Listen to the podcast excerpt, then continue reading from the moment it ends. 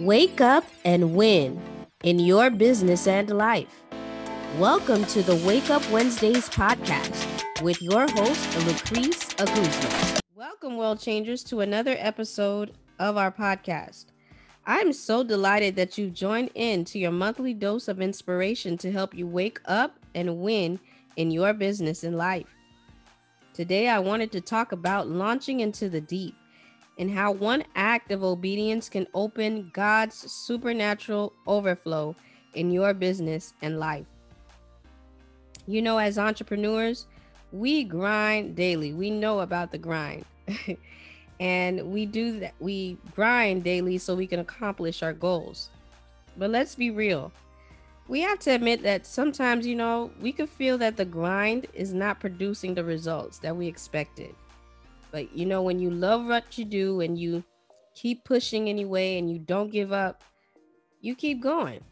And sometimes, you know, God will even drop an even bigger idea in you. And you're like, okay, God, I haven't seen anything working now with what I'm currently doing. And you want me to do what?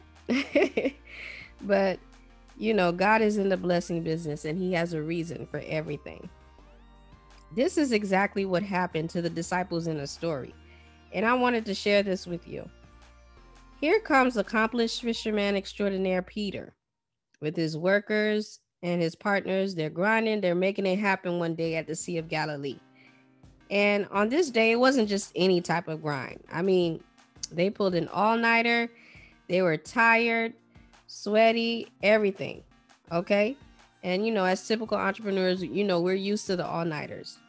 So they did what they had to do to try to get a catch, but they didn't catch anything.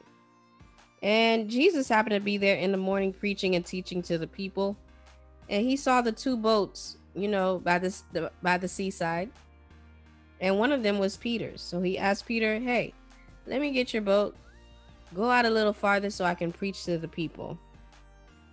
And you know, Peter was just done washing up his nets. Him and his partners, they were tired they were calling it a day, you know, ready to go home because, you know, they didn't want nothing. But, you know, Peter obeyed and he allowed the Lord to, you know, use his boat to preach.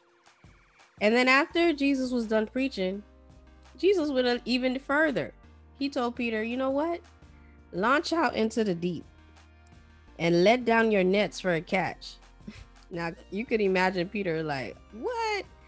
We just were in his mind. I'm, I'm saying, I'm not saying that's what happened, but he probably saying in his mind, like, I worked all day, I worked all night, we didn't catch anything, but let me just muster up courage and, you know, respond to the Lord.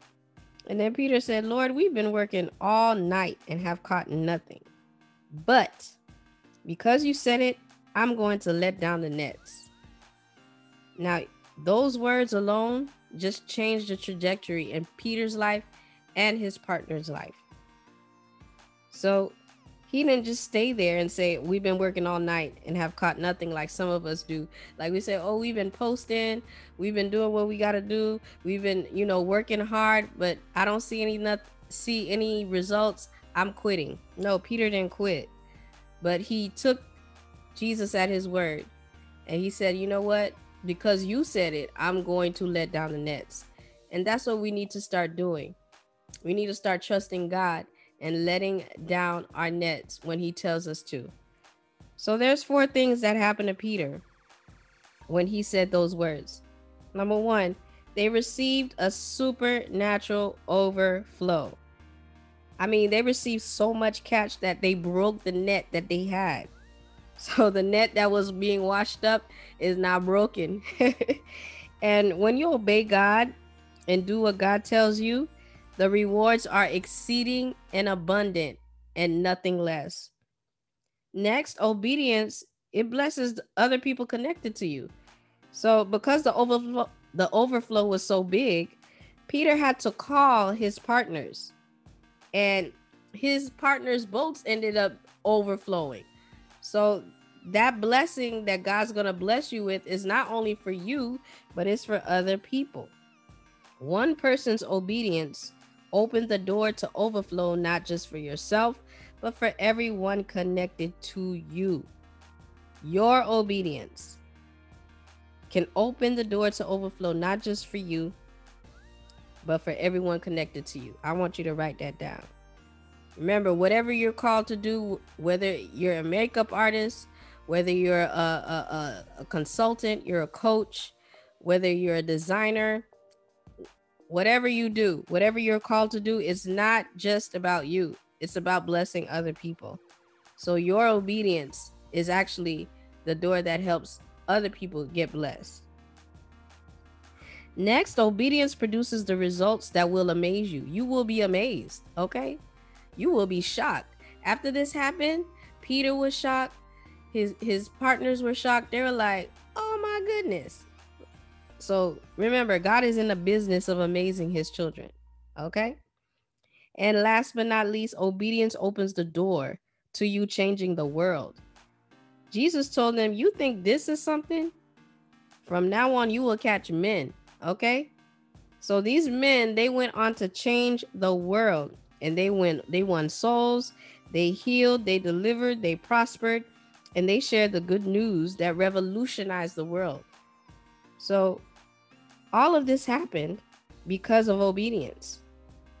What type of overflow are you believing for in your business, in your life, whatever area?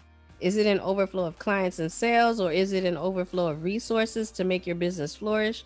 Or maybe you're just starting out and you're afraid of what might be out there. Listen to the words of the master launch out into the deep. Act on what was placed on your heart from the Lord. You just never know. Your idea could be the next idea that revolutionizes the world.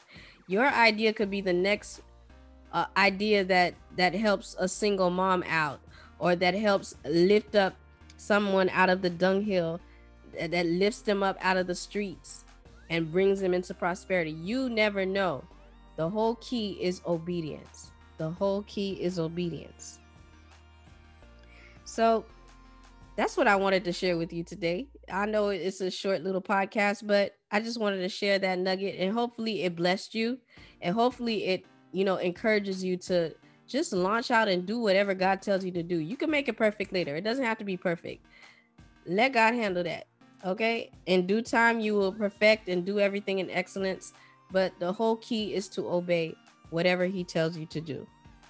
Our agency has created a free resource called Bring Your Brand to Life. It's a checklist that's designed to help you start planning on what God told you to do so the link is to access to the link to access your free download is in the description. So stay connected with us on Facebook, Instagram, and LinkedIn. And don't forget to subscribe and turn on the notification bell for upcoming episodes and videos. Until the next time, World Changer, enjoy your month.